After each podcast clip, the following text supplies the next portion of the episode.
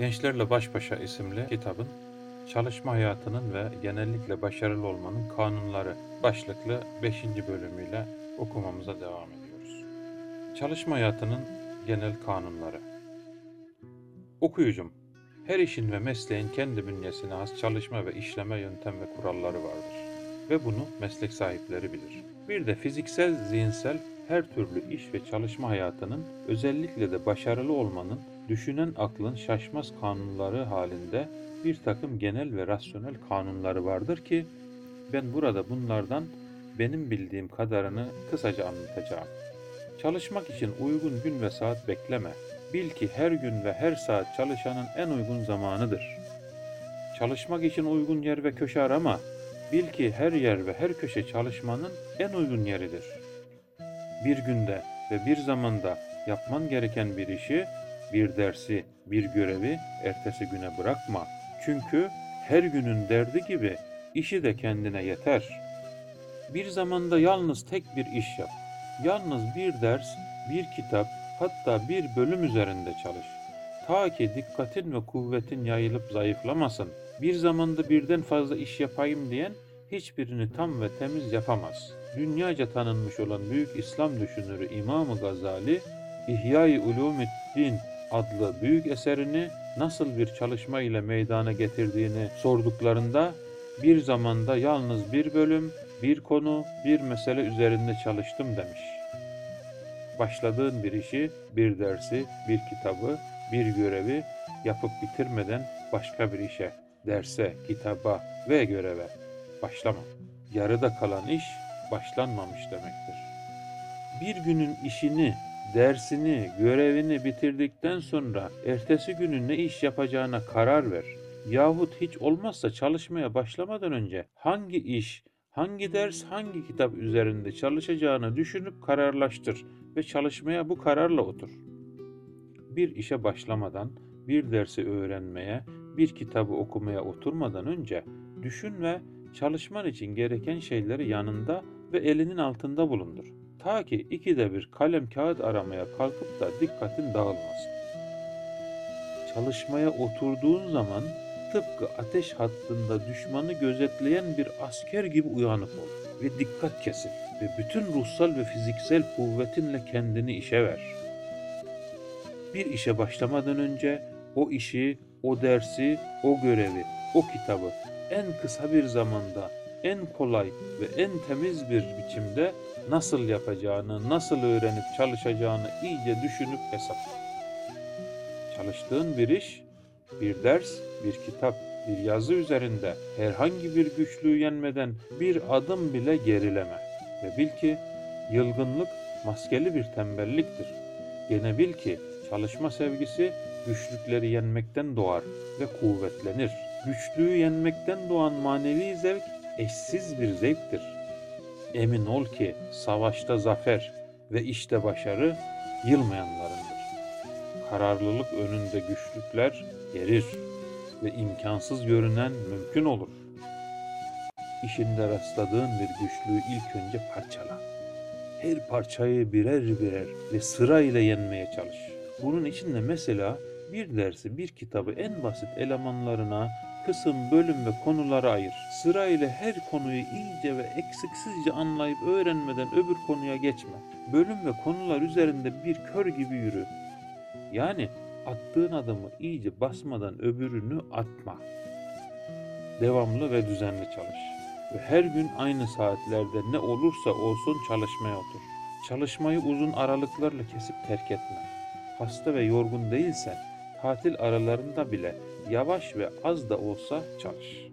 Ta ki çalışma alışkanlığın körlenmesin ve tekrar çalışmaya koyulmak için zaman çekmeyesin. Bir iş üzerinde yorulursan dinlenmek için işini değiştir ve çalışma hızını yavaşlat. Fakat dinlenme bahanesiyle asla boş durma. Boş oturanın içi işlemeyen demir gibi pas tutar. Çok düşün ve bil ki çalışmak mutlaka hareket etmek veya okumak, yazmak demek değildir. Düşünen bir insan maden kuyularında kazma sallayan işçiden daha çok çalışıyordu Verimli çalışmayı sakın iş üzerinde geçirdiğin zamanla ölçüp de eh bugün şu kadar saat çalıştım yetişir deme. Çalışmanın sonucuna ve öğrendiğine bak. Zihinsel çalışmalar için aynı saatlerde devamlı ve düzenli bir biçimde günde 2-3 saat bile yeterlidir. Büyük İslam filozofu İbn Sina, dünyaca ünlü olan Kitab-ı Şifasını her gün sabah namazından sonra Bağdat'taki bir caminin büyük bir kandili altında oturarak kuşluk vaktine kadar yani yaklaşık 2 saat çalışarak meydana getirmiştir. Ünlü İngiliz filozofu Spencer büyük eserlerini günde 2 saat çalışarak yazmıştır. Her sene 1000-1200 sayfalık eser veren Fransız Emile Zola'ya bu başarısının sırrını sormuşlar. Her gün yalnız 3 saat çalışır ve yazarım demiş. Vazgeçme genç dostum vazgeçme. Damlaya damlaya göl olur ve aynı noktaya düşen damlacıklar zamanla mermeri bile deler. Bir işe başladığın, bir dersi öğrenmeye, bir kitabı okumaya koyulduğun zaman telaş edip sabırsızlanma. Sakin ve dayanıklı ol. Yol al. Fakat acele etme. Sindirerek çalış ve öğren. İşinde ve dersinde herhangi bir fikri ve noktayı küçümseyerek ihmal edip geçme. Küçük ihmalden bazen büyük zararlar doğduğunu unutma. Gece yatağına uzandığın zaman o gün ne yaptığını ve yarın ne yapacağını kendine sormadan uyuma. Her gün iyi bir eserden yüksek sesle 5-10 sayfa oku. Bu sayede konuşma ve söz söyleme yeteneğin gelişir. Rastladığın edebi, felsefi bazı güzel parçaları ezberle. Bu sayede hem kelime ve ifade hazinen zenginler hem de hafızan kuvvetlenir. Çalıştığın bir dersin, bir kitabın bölüm ve konularını bitirdikçe kitabı kapayıp okuduğunu ezberden özet halinde not et. Bir dersi, bir kitabı en iyi anlayıp öğrenmenin yolu onu bu şekilde yazmaktır. Bir dersten öğrendiğin, bir kitaptan okuduğun bölüm ve konuları arkadaşlarınla ezberden görüş ve tartış. Bu şekilde hem zekan işler ve öğrendiğin hazmedilir, hem hafızan kuvvetlenir, hem de düzgün konuşma ve fikirlerini açıklıkla ifade etme yeteneği kazanırsın. Dikkat et, sözlerin ve yazıların kısa, açık ve anlamlı olsun. Zihinsel çalışmanın herkesin yaratılışına göre değişen verimli ve değerli saatleri vardır. Bunlar bazı kimseler için sabahın erken saatleri, bazıları için de öğleye doğru, öğleden sonra gece saatleridir. Kendini yokla ve senin değerli saatlerin hangileri? Bunları hiçbir eğlenceye feda edip kaçırma.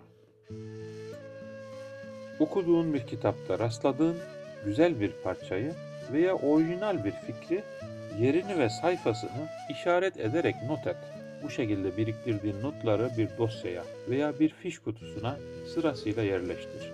Bir yazı yazmak veya bir eser yapmak istediğin zaman bu notlar senin için zengin bir malzeme hazinesi olur. Bir konu ve problem hakkında bir yazı veya bir eser yazmaya karar verdiğin zaman öncelikle bu konu ve problem üzerinde önceden yazılmış eserleri oku. Ta ki yazılmış ve söylenmiş şeyleri tekrar edip ömrünü israf etmeyesin. Gök kubbe altında yepyeni hiçbir fikir yoktur. En yeni fikir eski bir fikrin yeni bir elbise giymişidir. Her şeyden önce ana dilini iyi konuşmayı ve iyi yazmayı öğren. İnsan için en faydalı olanı kendi ana dilidir. Dil bilgisi bir amaç değil bir araçtır. Asıl amaç olan fikir zenginliğidir. Kişinin kıymeti dilinin altında ve kaleminin ucunda gizlidir. Onu söz ve yazı açığa vurur. Bir işi yapıp yapmamakta kararsızlığa düştüğün vakit iki şıktan her birinin fayda ve zararlarını iyice hesapla, faydası çok, zararı az olan şıkkı tercih et. Bir işe öfkeli ve sinirli iken karar verme. Bekle, öfken geçsin. Çünkü öfke ile kalkan zararla oturur. Çok konuşma. Yerinde ve özlü konuş. Kıymet ve etki çok sözde değil, yerinde ve özlü sözdedir. Dilini tut ve bil ki dil yarası bıçak yarasından daha kötüdür. Kimsenin yüzüne karşı söyleyemediğini arkasından söyleme ve bil ki arkadan konuşma korkaklığın en iğrenç şeklidir. Kimsenin cahilliğini yüzüne vurma. Bil ki insanları en çok kızdıran ve gücendiren cahilliklerinin yüzlerine vurulmasıdır. Yalan söyleme. Yalan söyleyen tutulmak korkusu içinde yaşayan hırsız gibidir. Bir kimseye söz vermeden iyice bir düşün. Fakat verdiğin sözden dönme. Sözden dönmek yalancılığın en çirkinidir. Daima olduğun gibi görün, göründüğün gibi ol. Olduğundan farklı görünmek isteyen karşısındakilere kendisinin ahmaklığını göstermiş olur. Kimseye karşı kin tutma ve kimsenin başarısını ve mutluluğunu kıskanma. Fakat imren, sen de öyle bir başarı ve mutluluğa erişmeye çalış. İmrenmek yükselmenin şartıdır. Kin ve kıskançlık ise huzurun, sağlık ve mutluluğun iki azgın düşmanıdır. Dost kazanmak için cömert ol. Bil ki cimrinin dostu yoktur. Gençliğinde iyi arkadaş kazan. Yaşlılıkta kazanılan arkadaşlık sağlam olmaz. Çünkü paslı teneke lehim tutmaz. Gençlik güzelliğine şans denilen kör kuvvet bile aşıktır. Gençliğini boş yere harcama. Onu kıymetlendirmeyi bil. Herkesçe beğenilen asıl güzellik ahlak güzelliğidir. Çünkü ahlakı güzel insan her yaşta güzeldir. Ahlakını güzelleştirmeye daima çalış. Ahlak güzelliği insan için en kıymetli bir servettir. En yakın arkadaşlarınla bile şakaların zarif olsun. Kaba şakadan hayvan bile hoşlanmaz. Dost ol, ta ki sana da dost olsunlar. Dostluğunu kötü günde göster, ta ki kötü gün dostu bulasın. Dostlarına vefalı, düşmanlarına hoşgörülü ol ve yere yıktığın düşmanını tekmeleme, cömertlik göster. Vefa ve cömertlik yüksek ahlakın iki parlak göstergesidir. Büyüklere hürmet et. Ta ki büyüdüğün zaman sen de küçüklerden hürmet göresin. Kadınlara hürmet et. Düşün ki kadınlık insanlığın anasıdır. Ana baba ahı alma. Ana baba ahının zehirini içen kurtulamaz.''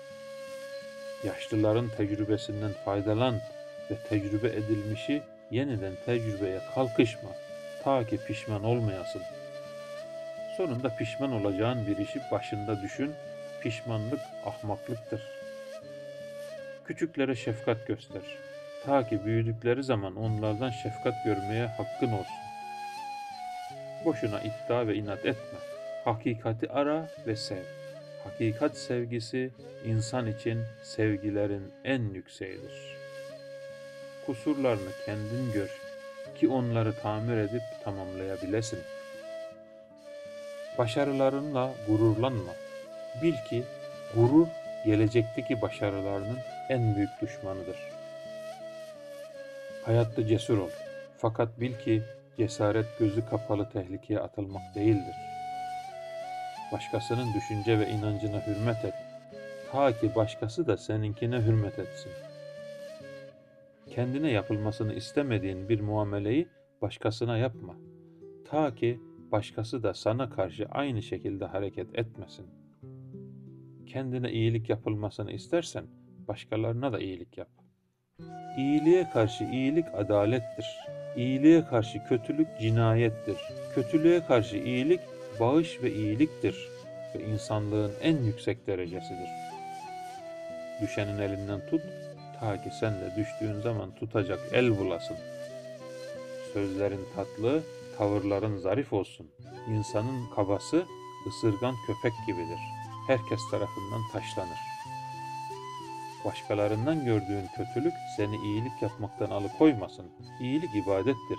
Kötülükle hesaplaşmaz.'' kibirli olma. Kibirli insan sarımsak kokan ağız gibidir. Herkes kendinden uzaklaştırır. Alçak gönüllü ol. Mütevazi insan meyve ağacına benzer. Meyve dalının yere eğilmesi meyvesinin çokluğundandır. Herkesin imrendiği pırlanta gibi kıymet sahibi ol. Korkma, yerde kalmazsın. Kendinden üsttekilere değil, Kendinden alttakilere bak, rahat edersin. İşinde ve sözünde doğruluktan ayrılma. Hak doğruların yardımcısıdır. Çalış, daima çalış. Fakat hırsı bırak. Çünkü hırs verimli çalışmanın sağlık ve mutluluğun düşmanıdır. Çalış fakat açgözlü olma. Açgözlü insan ciğer bulaşmış eğeyi yalayan aç kedi gibidir. Dilinden akan kanı yalar da bilmez. Hayatın ve tutacağın yol hakkında kararsızlığa düşüp de bir ışık aradığın zaman fikrini ve görüşünü soracağın kimseyi iyi seç. Düşün ki isabetsiz bir fikirden hareket ederek verdiğin karardan bütün ömür boyunca pişmanlık duymak mümkündür. Fakat isabetli bir fikirden aldığın ışık da bütün ömrünce yolunu aydınlatır. Genç arkadaşım, yukarıda sıraladığım kuralları okuyup unutasın diye değil, kulağına küpe yapasın ve ileride beni anasın diye yazdım. Senden beklediğim beni hayırla anmandır. Burada sırası gelmişken hiç unutamadığım bir hatıramı anlatacağım. Birinci Dünya Savaşı'nda dört buçuk sene Kafkaslarda cepheden cepheye koştuktan ve felaketlerle dolu savaşın bütün sefalet ve sıkıntısını çektikten sonra nihayet İstanbul'da terhis edildim. Terhisimin ilk haftalarında müthiş bir aylaklık ve kararsızlık içinde kaldım. Ne yapmalı ve hayatta nasıl bir yol tutmalıydım? Yarım kalan öğrenimime devam etmeliydim yoksa terhis edilen birçok arkadaşlarım gibi öğrenim hayatından vazgeçip bir iş hayatına mı atılmalıydım? İçimi kemiren bu kararsızlığı yenemiyor, bir türlü karar veremiyordum. Görüp konuştuğum kimseler beni hep öğrenim hayatından soğutuyor ve bir iş tutmaya teşvik ediyordu. Bir aralık Sirkeci kahvehanelerinden birinde genç bir tüccar hemşerime rastladım. Mal almaya gelmiş. Bana ne yapacağımı ve ne iş tutacağımı sordu. Ben de kararsız olduğumu fakat gönlümün öğrenim hayatına dönmeye aktığını söyledim. Şaşarım aklına. Okuyup da kütüphane faresi olacağına benim gibi iş yap da para kazan dedi. Sonradan hırsının kurbanı olup genç yaşında ölen bu tüccar hemşerimin sözleri zaten sallanan içimi bütün bütün alt üst etti. Adeta şaşkına dönmüştüm. Sonunda bilgisine ve olgunluğuna derin bir hürmet beslediğim ve kendisinden çok şey öğrendiğim Şevket Efendi isminde eski profesörlerden bir kişi vardı. Bu kişiyi ziyaret edip fikrini öğrenmeye karar verdim ve kendisini çarşı kapıdaki evinde ziyaret ettim. Biraz sohbet ettikten sonra hoca bana ne yapacağımı sordu. Ben de kendisine kararsızlığımı anlattım. Bana şunları söyledi. Kararsızlığı bırak ve öğrenimine devam et. İnsan ihtiyarlığına kadar ömrünün her çağında iş hayatına atılabilir ve az çok başarılı olur. Fakat okuyup öğrenmenin belirli bir çağı vardır. Sen bugün bu çağdasın. Bu çağı geçirirsen ona bir daha dönemezsin ve yeteneğini heder etmiş olursun. Okuyup öğren de sonra istersen tüccar ol. Bunda bir zararın olmaz. Bu bilgelik dolu sözler üzerine kararımı verdim ve pişman olmadım. Gariptir ki merhum Şevket Efendi hocanın bu güzel nasihatı yalnız benim değil, benim gibi kararsızlık içinde bocalayan diğer birinin de yoluna ışık tutmuştur. Gerçekten benden biraz sonra terhis olunup İstanbul'a gelen Kemal Galip Balkır ile buluştuk. Çok aziz ve kıymetli bir insan olan bu arkadaşım da tıpkı benim gibi şaşırmış kalmış, öğrenim hayatımı, iş hayatımı kararsızlıklar içinde bunalmıştı. Kendisine merhum hocanın nasihatini anlattım ve kendi kararımı söyledim. Gözlerinin önündeki belirsizlik perdesi kalktı. Yolu aydınlandı ve öğrenim hayatına döndü. Kendisi halen Türkiye'mizin varlığı ile iftihar edeceği yüksek bir hukuk adamıdır. Ve bu sıfatla Ankara'da Siyasal Bilgiler Fakültesi İdare Hukuku Profesörü ve Devlet Şurası Başkanı'nın sözcüsüdür. Allah Şevket Efendi merhumu nur içinde yatırsın. Rahmetli Ordinarius Profesör Doktor Ali Fuat Başkil kitabını bu sözlerle bitiriyor. Başlangıçtaki sözlerini tekrar hatırlatarak okumamızı tamamlıyoruz. Çalış genç arkadaşım çalış. Namerde muhtaç olmak ölmekten beterdir. Gençliğini eğlenmekle geçiren, ihtiyarlığını ağlamakla geçirir. Bize bu güzel eseri bırakan Ali Fuat Başkil hocamıza rahmet diliyorum. Nur içinde yatsın.